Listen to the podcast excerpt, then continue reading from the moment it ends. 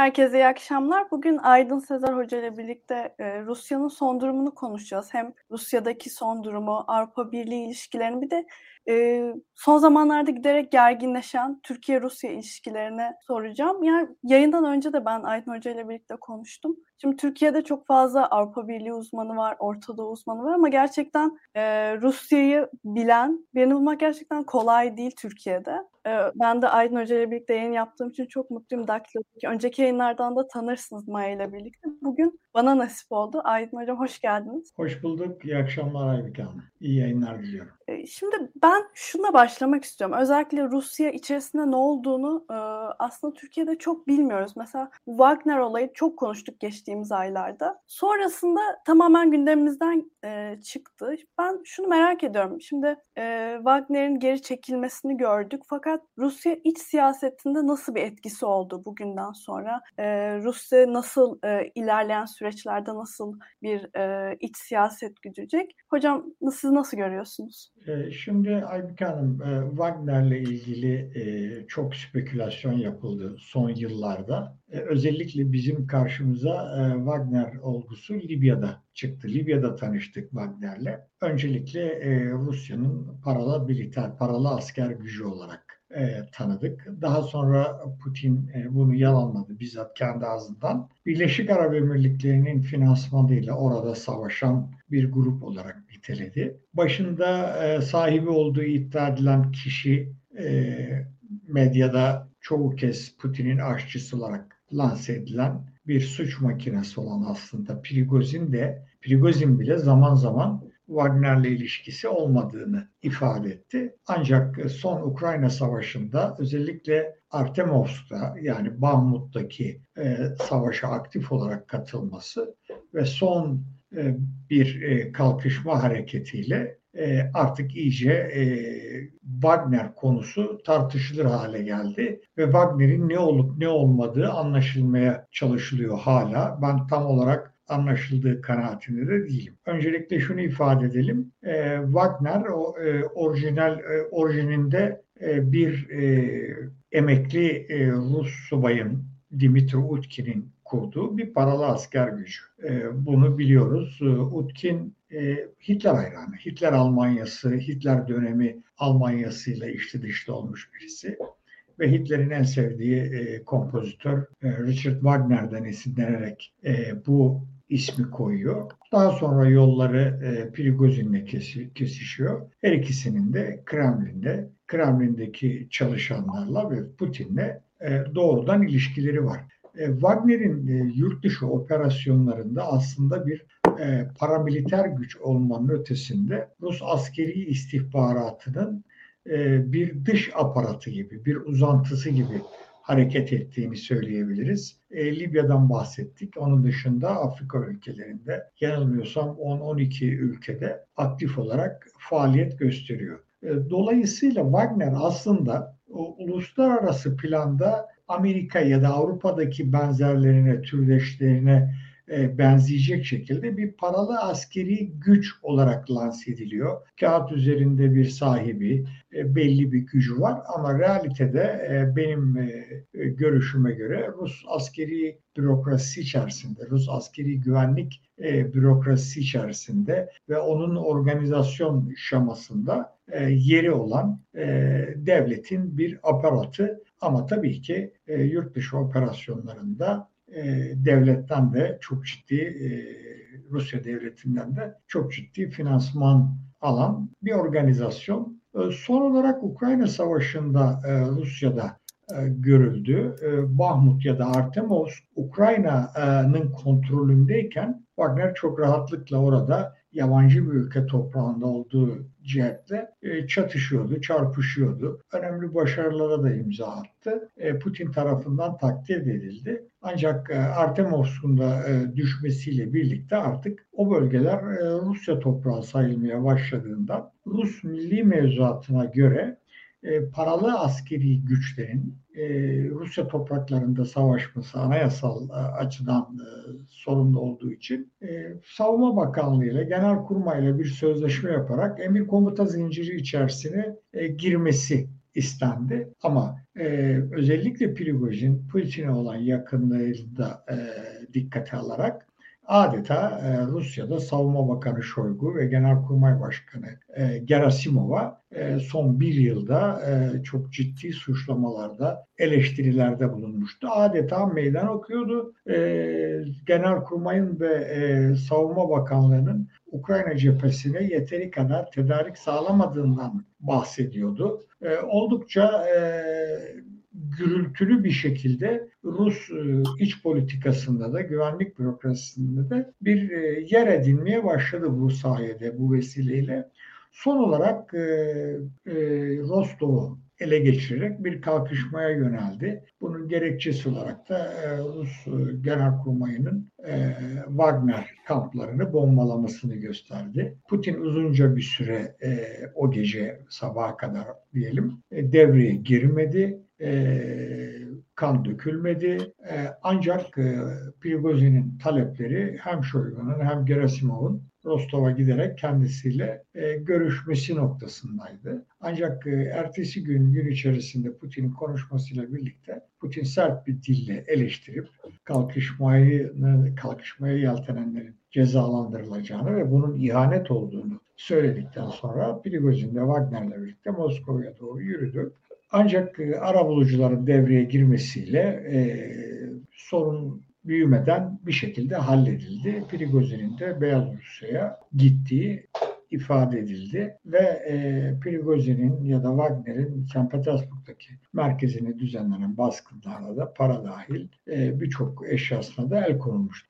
Şimdi olay e, bu aşamasıyla birlikte e, Batı'da e, Putin'e karşı bir darbe olarak nitelendirildi. Putin'in gücünün zayıfladığına işaret edildi. Putin'e meydan okuma olarak nitelendirildi. Ancak e, olay bastırıldıktan kısa bir süre sonra, üç gün sonra e, Prigozhin Moskova'da dolaşıyordu toplantılara katılıyordu. Hatta bir defasında beraberinde komutanlarla Putin'le birlikte 3,5 saatlik bir görüşme dahi yaptı. El konulan tüm eşyaları ve e, maddi anlamda e, paraları iade edildi.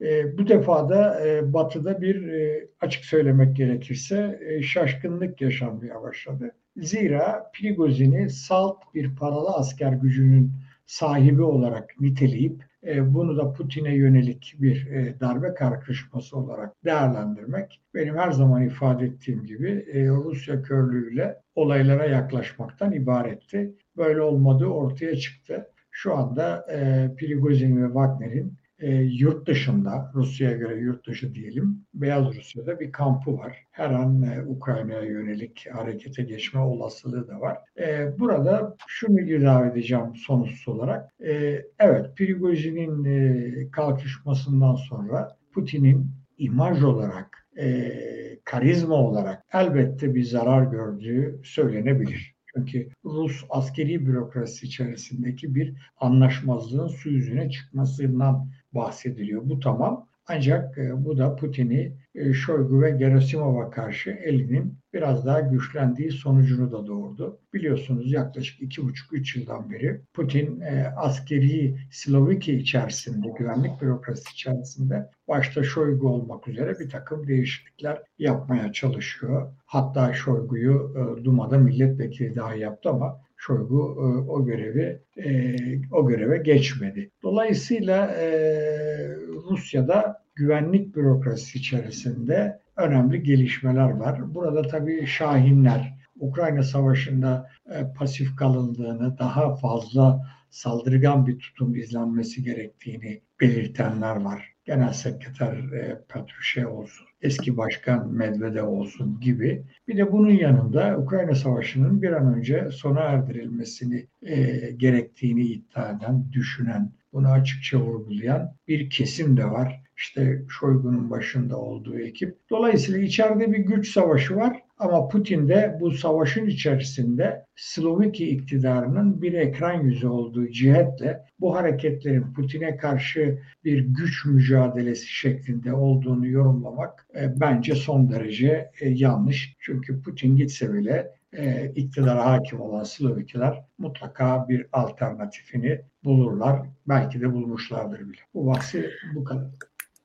Yani şuna da e, şimdi Wagner gel hani biz Türkiye'den baktığımızda biraz anlaması zor ama şimdi Wagner ara buluculuğa ihtiyaç duyacak kadar Rusya'nın ihtiyaç hissedeceği kadar büyük bir güç müydü? Yani gerçekten e, Hayır, zaten müzakereyi yürüten Beyaz Rus lider Lukashenko'nun ötesinde e, Kremlin'in en önemli yetkililerinden bir tanesiydi. E, Kremlin'in Chief of Staff'ı dediğimiz kişi de e, hem Prigozhin'in hem Putin'in çok yakın arkadaşı.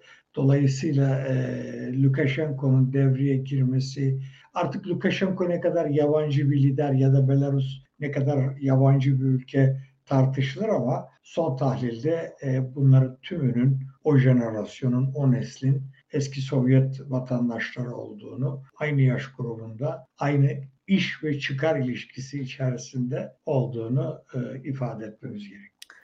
Bir de buradan sonra birazcık e, Ukrayna ile barış sürecine geçmek istiyorum. Özellikle ilerleyen dönemlerde. Şimdi Avrupa Birliği özellikle işte Ukrayna'ya destek olsun çeşitli anlamlarda çok büyük aslında artık Avrupa Birliği de bunu taşıyamaz hale geldi Ukrayna'nın e, yükünü. Siz mesela şunu nasıl görüyorsunuz? Yani ilerleyen dönemlerde Avrupa Birliği Ukrayna'nın Rusya ile bir barış masasına oturmasını e, destekler mi ya da bunun üzerine bir baskı kurar mı? Siz ilerleyen dönemi nasıl görüyorsunuz? Şimdi e, e, Aybike Hanım, e, Avrupa Birliği zaten e, başında, en başından beri e, bu konuda çekinceleri vardı. Çünkü Rusya pazarı e, Avrupa Birliği için çok önemli bir pazardı. Stratejik işbirliği olan ülkeler vardı iktisadi anlamda. Almanya gibi, e, Fransa gibi, İtalya gibi önde gelen ülkeler. Tabii Hollanda özellikle transit ticarette, lojistikte çok büyük e, önem arz ediyor Rusya açısından.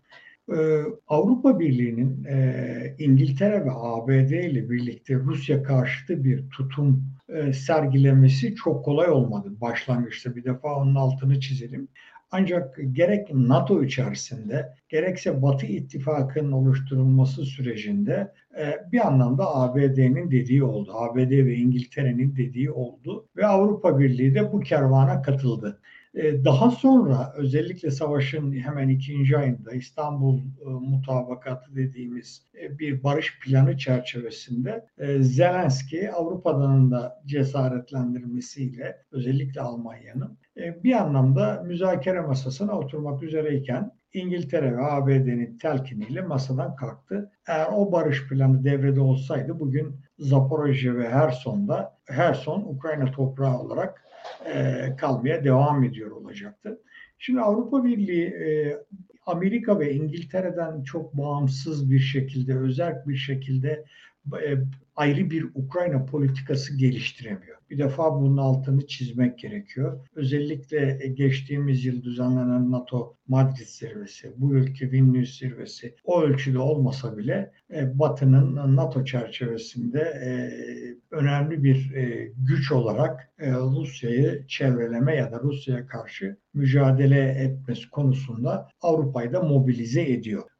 Fakat bu ekonomik ambargolar elbette Rusya açısından son derece olumsuz sonuçlar doğuruyor. Ekonomik anlamda e, Rusya açısından ciddi problemler oluşturuyor. Ancak ambargoyu uygulayan ülkeler açısından da e, sizin de ifade ettiğiniz gibi bu e, ucu açık bir e, sürecin ne kadar Avrupa Birliği'nin bu ucu açık sürece ne kadar katlanabileceğinin e, anlaşılması da çok zor. E, Avrupa'da birçok ülkede artık çatlak sesler çıkmaya başladığını görüyoruz. Özellikle Hollanda, İspanya ve İtalyan firmaları ambargoları delme yolunda çok büyük mesafeler kaydettiler. Tabi burada kilit ülke e, Türkiye. Türkiye üzerinden bu operasyonları yürütüyorlar. Dolayısıyla e, Rusya ile Ukrayna arasındaki bir e, barış e, süreci, bir barış masası kurulmasını ben açık söylemek gerekirse Avrupa Birliği içerisinde en çok istenen, en çok arzu edilen bir husus olduğunu düşünüyorum. Ve herhangi bir Avrupa ülkesinin tabi Polonya'yı bir defa ayrı tutmak gerekiyor. Onun başka bir misyonu ve başka bir perspektifi var. Ee, Baltık ülkeleri de bir açıdan öyle değerlendirilebilir Polonya ile birlikte ama ana ülkeler Almanya, Fransa, İtalya, Hollanda gibi, Belçika gibi e, bu ülkelerin e, Rusya ile barışı arzuladıklarını e, düşünüyorum. Buna yönelik işaretler de e, geliyor zaman zaman. Dolayısıyla e, bu ambargolar Avrupa açısından da oldukça zor bir e, sürece evrildi. Özellikle e, Rusya'dan doğal gaz almama gibi yani ucuz doğal gaz almayı reddedip daha pahalı LNG'ye yönelme gibi bir perspektifle birlikte tabii e, bunun maliyeti de ekonomide enflasyon olarak e, mali yük olarak e, başta Almanya olmak üzere tüm ülkelerde Avrupa ülke Avrupa Birliği ülkelerinde hissediliyor. Yani artık bence görebildiğim ya da okuyabildiğim kadarıyla bu ucu açık sürecin bir an önce sona erdirilmesini arzuluyorlar diyebiliriz. Ama burada belirleyici ülke elbette İngiltere ve ABD. Evet yani mesela şunu görüyor musun? Mesela son zamanlarda daha da mı arttı sizce Avrupa'daki ülkelerin barış talebi? Şimdi evet e, zaten başından beri e, barışa yönelik ya da e, Rusya'ya karşı mobilizasyona karşı çıkan kesimler, gruplar, gösteriler de yaptılar falan ama şimdi dünyadaki ekonomik, iktisadi gidişatın belki küreselleşmenin yeni formunun Avrupa Birliği, Avrupa ekonomileri üzerinde ayrıca bir yıkıcı etkisi oluyor. Bu e, reel ekonomide katlanılamaz bir Çin rekabeti, e, fon kapitalizminde ya da bilişimde bariz bir e, ABD üstünlüğü, İngiltere'nin e, fon kapitalizminde göreceli olarak e, üstün konumda olması gibi nedenlerle Avrupa Birliği sanki biraz e, kapitalist sistem içerisinde e, rekabette ya da pazar paylaşımında diyelim e, biraz geri kalıyor gibi gözüküyor. Yani o eski e, sosyal Avrupa'nın finansmanını artık o liberal Avrupa pek sağlayamıyor. Bunu zaman zaman e, işte Avrupa ekonomisi geriliyor, köhne falan gibi biraz daha abartılı ifadelerle e, gündeme getirenler de oluyor ama şurası bir gerçek ki e, liberal Avrupa, sosyal Avrupa'yı artık finanse edemiyor. Ve önümüzdeki süreçte Çin'in sadece reel ekonomide değil, bilişimde, bilgi ekonomisinde, finansmanda, finans ekonomisinde, fon kapitalizminde e, ABD ile başat bir güç olarak ortaya çıkması e, tabii Avrupa Birliği'nin Avrupa Birliği açısından da e, ciddi bir tehdit oluyor. Sadece Çin'e karşı değil, ABD ile ve İngiltere ile ilişkilerinde de kapitalist sistem içerisinde e, bu rekabetin keskinleştiğini söyleyebiliriz. Kaldı ki bu Rusya ambargolarının bir başka sonucu da ABD açısından e, Avrupa Birliği ve e, Rusya arasındaki iktisadi ilişkilere e, adeta bir set çekilmesi anlamına geliyor. Bu da tabii yan etkilerden bir tanesi ama önemli bir etki. Bunu da dikkate almak gerekiyor diye düşünüyorum. Şimdi bir de bir izleyici Muharrem Palaz'ın bir sorusunu size hemen iletmek istiyorum. Tahıl, tahıl koridoru anlaşmasının devam ettirilmemesi nasıl bir etkisi olacak? Bu konuda Rusya haklı gibi Batı şartları uymadı. Tek taraflı anlaşma mı olur demiş. Siz ne düşünüyorsunuz? Şimdi Aybüke Hanım, e, tahıl anlaşması e, 22 Temmuz 2022'de İstanbul'da iki farklı anlaşma olarak dizayn edildi, imzalandı. Bunlardan bir tanesi Ukrayna tahılının yurt dışına çıkışını öngören, o yolu açan Türkiye'nin Ukrayna ve Rusya ile imzaladığı bir Ukrayna tahıl anlaşması. Bu anlaşma İstanbul'daki kontrol merkezi marifetiyle bugüne kadar teknik anlamda sorunsuz olarak çalıştı. Hiç kimsenin bir itirazı olmadı. Rusya sadece zaman zaman Ukrayna tahılının batıya gittiğini, halbuki fakir ve geri kalmış ülkelere e, gitmesi gerektiğini konuştu, konuşulduğunu ifade etmişti. İkinci anlaşma Birleşmiş Milletler'le Rusya arasında imzalandı aynı gün. Bu da Rus tahıl ve gübresinin yurt dışına çıkışıyla alakalı hususlar içeriyordu. E, zaten Ukrayna Anlaşması'nın ön koşuluydu bu anlaşma bir defa onun altını çizelim. Burada e, muhatap Birleşmiş Milletler ve Birleşmiş Milletler çerçevesinde de Rusya'ya ambargo uygulayan batılı ülkelerin bu tarım ürünleri, tahıl ve gübre ihracatının önündeki engelleri kaldırmaları gerekiyordu. Bunlardan bir tanesi Rus Tarım Bankası'nın tüm operasyonlarının SWIFT kapsamına alınması. Rusya'nın e, tarım üreticilerinin, e, tarımla iştigal eden kesimlerin yurt dışından ithal edecekleri makine, ekipman, aramalı yedek parça ithalatının ya da batıdan ihracatının serbest bırakılmasıydı. E, Rus limanlarından tahıl ve gübre taşıyacak Rus gemilerine uygulanan yüksek navlun ve sigorta e, primlerinin düşürülmesiydi. Böyle bir takım nedenler vardı. Rusya bu konuda ilk 4 aylık süreç içerisinde hiçbir gelişme kaydedilmediğini belirterek Ukrayna tahıl anlaşmasını imzalandığı e, sırada öngörülen 4 aylık sürelerle değil, ikişer aylık sürelerle uzatma yoluna ve sürekli kendisine verilen sözlerin yerine getirilmediğini ifade ediyordu. E, son olarak da bizim seçimlere denk gelen bir günde yine Sayın Erdoğan'ın devreye girmesiyle Putin bir kez daha ve son kez uzattığını ifade etti. Ve e, bugüne geldik 17 e, Temmuz gününden itibaren de Rusya bu anlaşmadan çekildiğini açıkladı.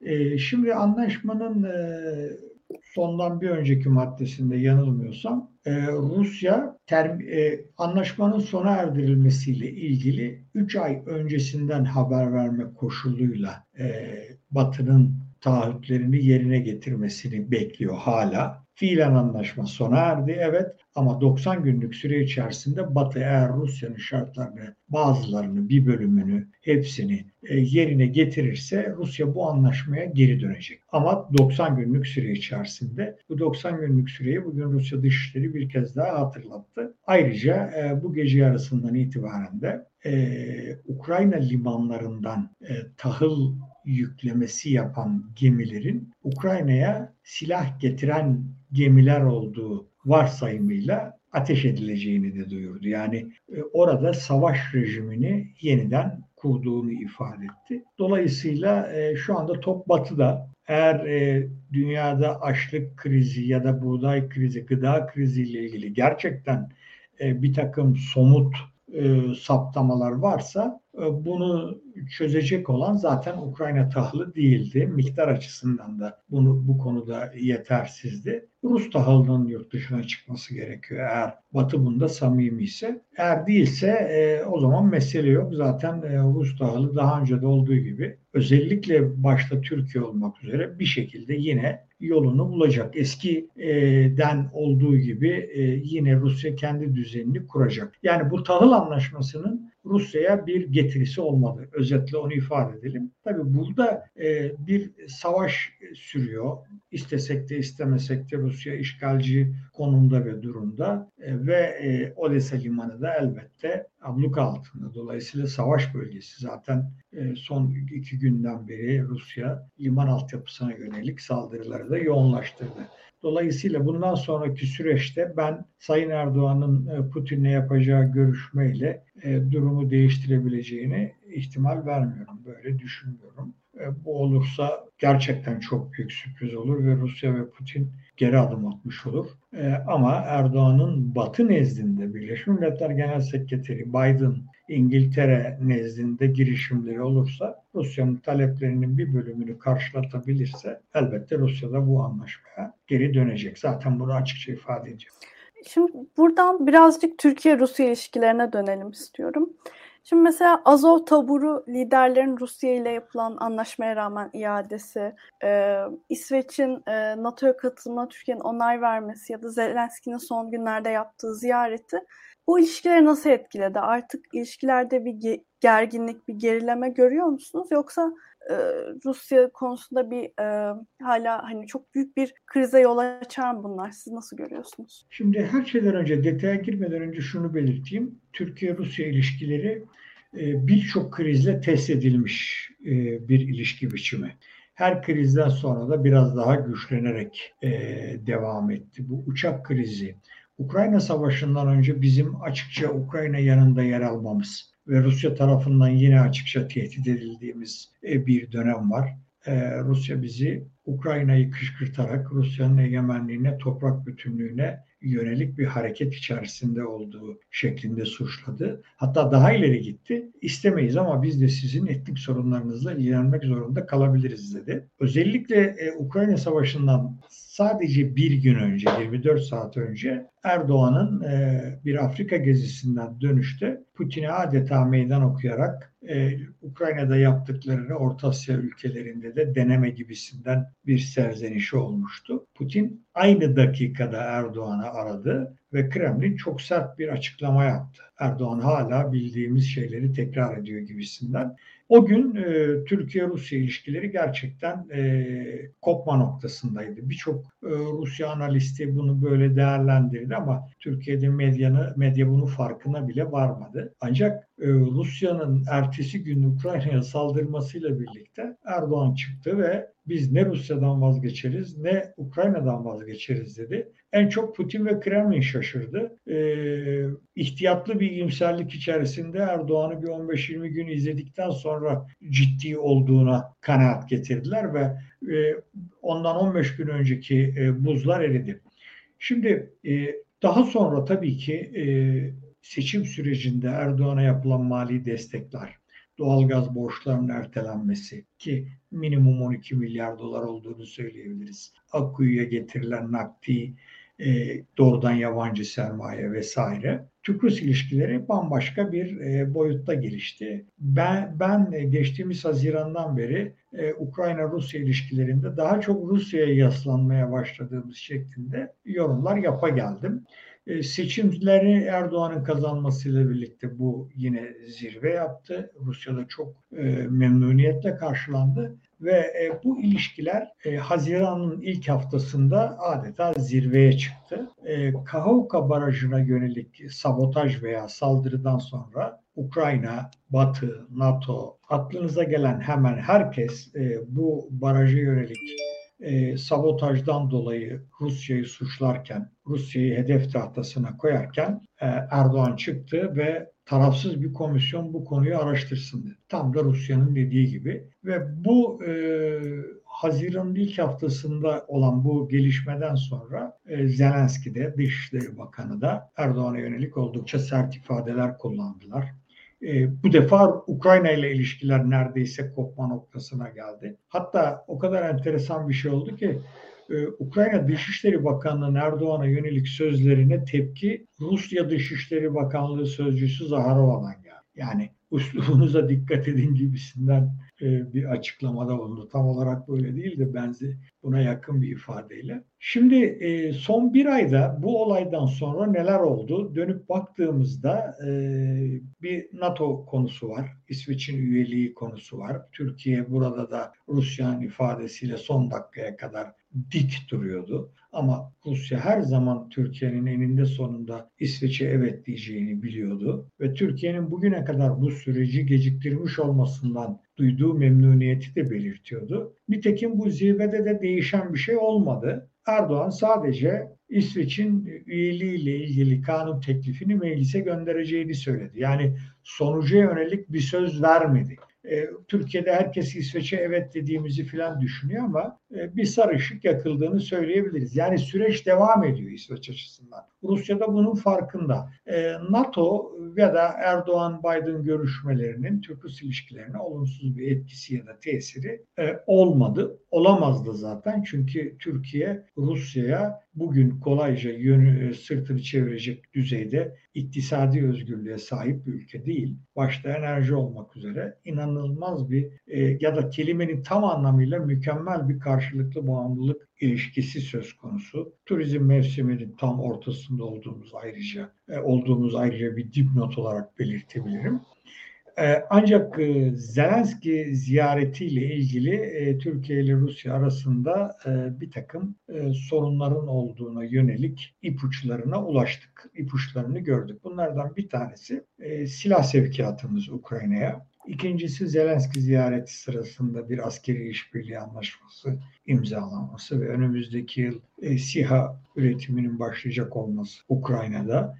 Bir başkası sizin de ifade ettiğiniz üzere Azov militanlarının ki anlaşmaya göre Türkiye'de kalmaları gerekiyordu savaş sonuna kadar Zelenski'ye verilmesi gibi nedenlerle e, Türk-Rus ilişkilerinde bir sıkıntılı yeni döneme girdik. Yeni bir baş ağrısıyla karşı karşıyayız. Fakat burada dikkati çeken diplomatik açıdan en önemli gelişme bu olaylardan bir gün sonra Hakan Fidan Bey'in Lavrov'u arayarak konuyla ilgili izahatlarda bulunmuş olması. Yani sanırım bir anlayış beklediğimizi ifade etti. E, çünkü Türkiye-Ukrayna ilişkilerinde oldukça sıkışmıştı Zelenski e, ziyaretine kadar. Hatta Zelenski ziyaretinde de e, bunun izlerini bir anlamda gördük diyebiliriz. Zaten Azov militanlarının verilmesi herhalde durumu yumuşatmaya ya da tekrar rayına sokmaya yetti gibi düşünüyorum. Yani bu bir spekülasyon tabii. Arka planına yönelik bir bilgimiz yok. E, ama e, şu da var tabii. Zelenski ziyaretiyle ilgili kamuoyuna açıklanan ya da bizim bildiklerimizin dışında belki de e, bazı detaylar detaylara Rusya vakıf olabilir. Ya yani bu son derece normal. olayın boyutu bizim tahminimizin ötesinde bir anlam taşıyor olabilir. E, Putin'in e, Türkiye'ye gelmesi bekleniyor. Erdoğan bunu sürekli söylüyor. En son yine Ağustos dedi ama e, Kremlin'den daha bugün yapılan açıklamada Putin'in takviminde böyle bir ziyaret olmadığı belirtiliyor.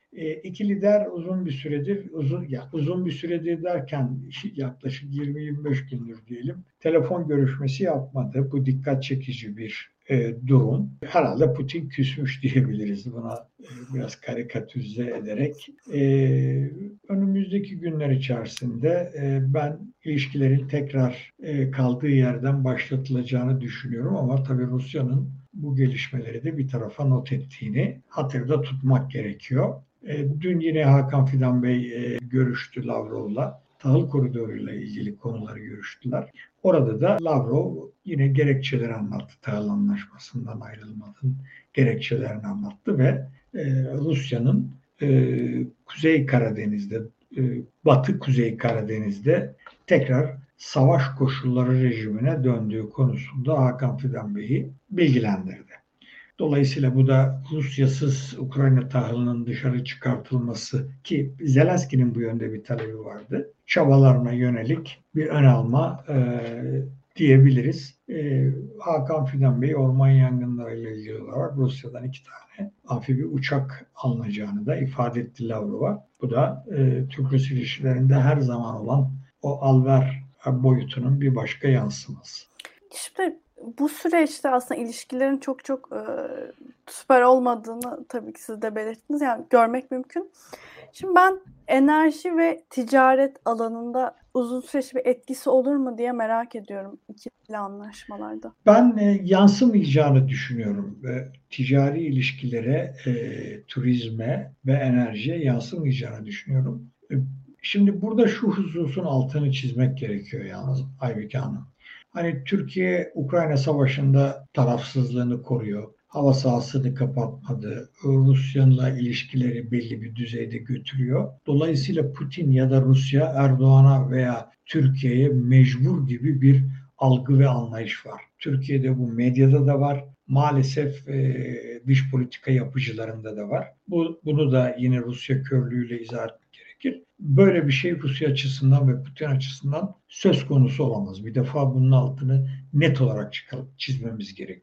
Yani Rusya e, böyle bir dönemde Türkiye'ye muhtaç olduğunun bilincinde olmakla birlikte e, Erdoğan'ın her istediğini yerine getirecek e, bir şantaj e, boyutuna da asla e, girmeyecek bir ülke. Bu ayrı bir konu. Fakat bunun yanında iki ülke arasında biraz önce de ifade ettiğim gibi karşılıklı bağımlılık çerçevesinde bu iki ülke birbirine mecbur. Yani önümüz kış, doğalgaz alıyoruz. Geçen son 8 ayda doğalgaz borçlarını erteletmişiz. İşte orada akkuyu devam ediyor. Ruslar finansman sağlıyor. E, yüzlerce, binlerce, milyonlarca Rus turist olarak ya da transit yolcu olarak Türkiye'ye gelip gidiyor. E, Türkler Rusya'da oldukça aktif. Bankalarımız var, taahhüt firmalarımız var, yatırımlarımız var, üretimimiz var, ticaretimiz var. Bavul ve kargo gibi ilkel de olsa bir ticaret e, metodumuz var.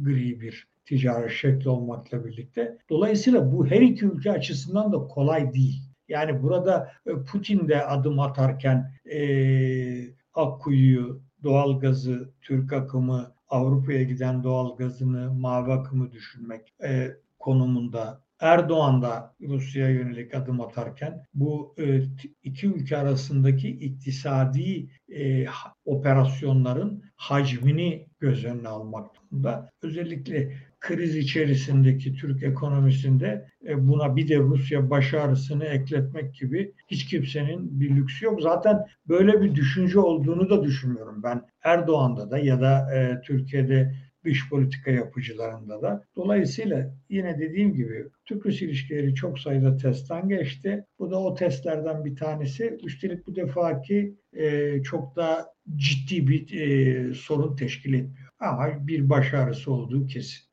Şimdi ben son son artık izleyici e, sorularını da size iletip artık yayını yavaştan kapatırız. Bu arada izleyicilerimize şu an yayını beğenmelerini ve paylaşmalarını rica edeyim. Daha çok insana ulaşmamız açısından.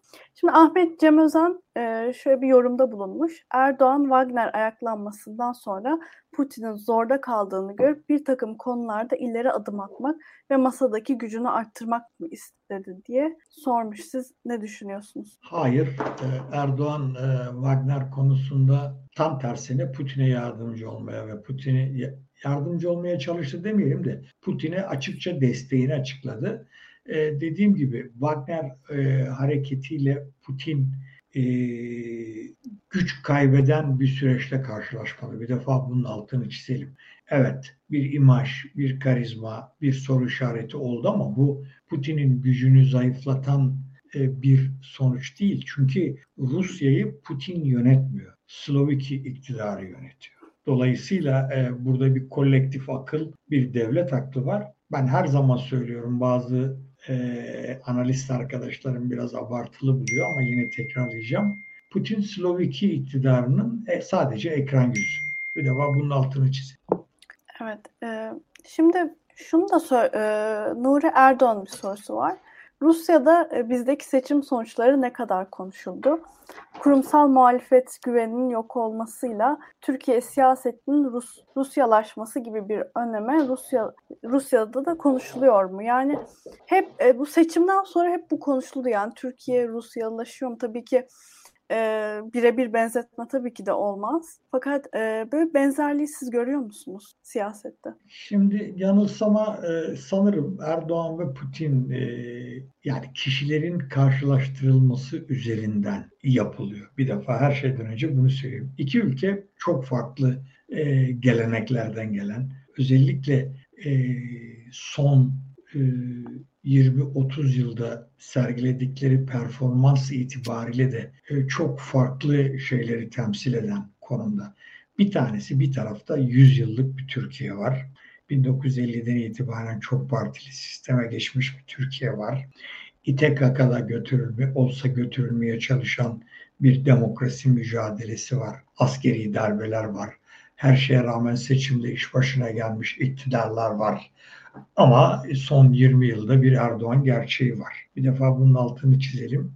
100 yıllık bir cumhuriyetten bahsediyoruz. Rusya ise sadece 30 yıllık bir piyasa ekonomisi ve demokrasi geçmişine sahip. Sosyalist bir gelenekten gelen yani toplumda mülkiyetin M'sinin, ticaretin T'sinin, e, ekonominin E'sinin, vergi hukukunun V'sinin olmadığı bir ülkeden bir gün içerisinde bir gecede e, piyasa ekonomisine geçmeye çalışan ve bu konuda e, yeni baştan oluşturulmaya çalışan bir devlet yapısı var ve bunun ilk 10 yılı yağmayla, soygunla geçmiş e, bir e, ülke. Yani e, Sovyetlerin mirasının yağmalandığı ve bu yağma işinin kapitalizm zannedildiği bir boyuttan geçmiş bir ülke. Son 22 yılda da Putin'le birlikte tekrar reorganize olmaya çalışan bir ülke. Dolayısıyla ben hep şunu söylüyorum. Bugünkü Rusya rejimi Rusya'nın tarihindeki en demokratik rejimdir. Altını tekrar çizerek söylüyorum. Yani burada sosyalist arkadaşlarımızı alınganlık göstermesinler lütfen. Ee, her şeye rağmen o tabii ayrı bir kapsamda değerlendirilecek. Bu genellemeyi yapmam çok doğru olmayabilir ama bugün Rusya tarihinin en demokratik dönemini yaşıyor. Yani bu despot, otokrat Putin dediğimiz e, işte insan hakları demokrasi sıralamasında bilmem ne kadar geride olan Rusya'dan bahsediyor. Çarlık Rusyası, Sovyetler Birliği bir 10 yıllık dağılmakta olan bir cumhuriyet, Yeltsin dönemi ve 22 yıl 20 yıldan beri yeniden yapılandırılmaya çalışan bir ülke. Bu Rusya. Bunun karşılığında da son 20 yılda yine neredeyse Erdoğan'la Putin'in göreve geliş süreleri de 3 aşağı 5 yukarı aynı. Ee, daha otoriter, daha fazla otokratlaşan, daha fazla e, insan hakları demokrasi mücadelesine ihtiyaç duyulan bir başka ülke Türkiye. Yani o kadar enteresan ki Erdoğan-Putin ilişkisi ikili ilişki, kişisel ilişki bugün iki ülke arasındaki kurumsal ilişkinin tepesine geçti. Ve herkes Türkiye-Rusya ilişkilerini Erdoğan-Putin ilişkileri üzerinden okuma, anlama gayretinde. Halbuki Erdoğan ve Putin'den önce Cumhuriyet tarihi boyunca 90'lar dahil, Yeltsin dönemi de dahil Türkiye ile Rusya arasında muazzam iktisadi ilişkiler var. Birisi NATO ülkesi, birisi e, sosyalist sistemin ağ babası olmasına rağmen. Türkiye'deki e, ağır sanayi yatırımlarından tutunuz da doğalgaz 1984'tür doğalgaz anlaşmasının yapıldığı yıl. Birisi NATO ülkesi, diğeri Sovyetler Birliği. Dolayısıyla e, Türkiye-Rusya ilişkilerinin kendi dinamiğinin ötesinde bir Erdoğan-Putin işbirliği. E, yani e, buna iş ilişkisi de diyebiliriz. Yani bir business relationship de diyebiliriz.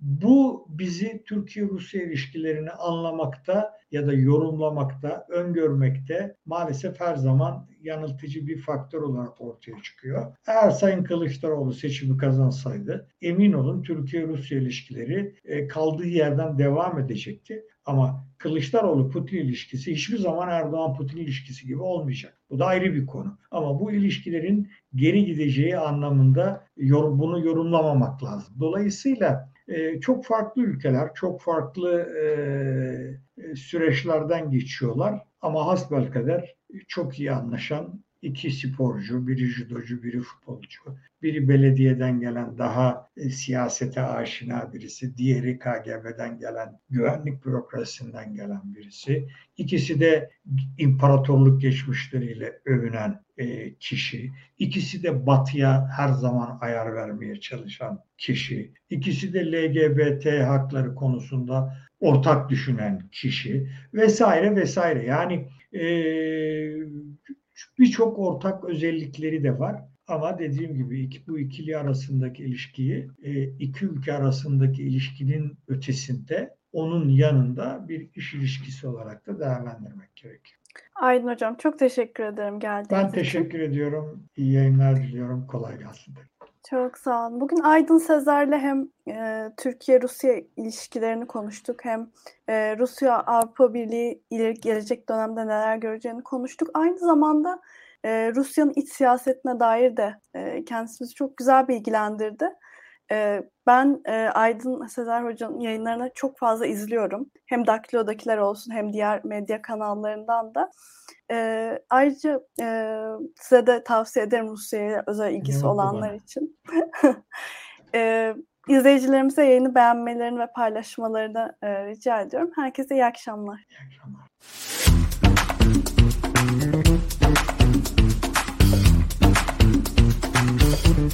Thank you.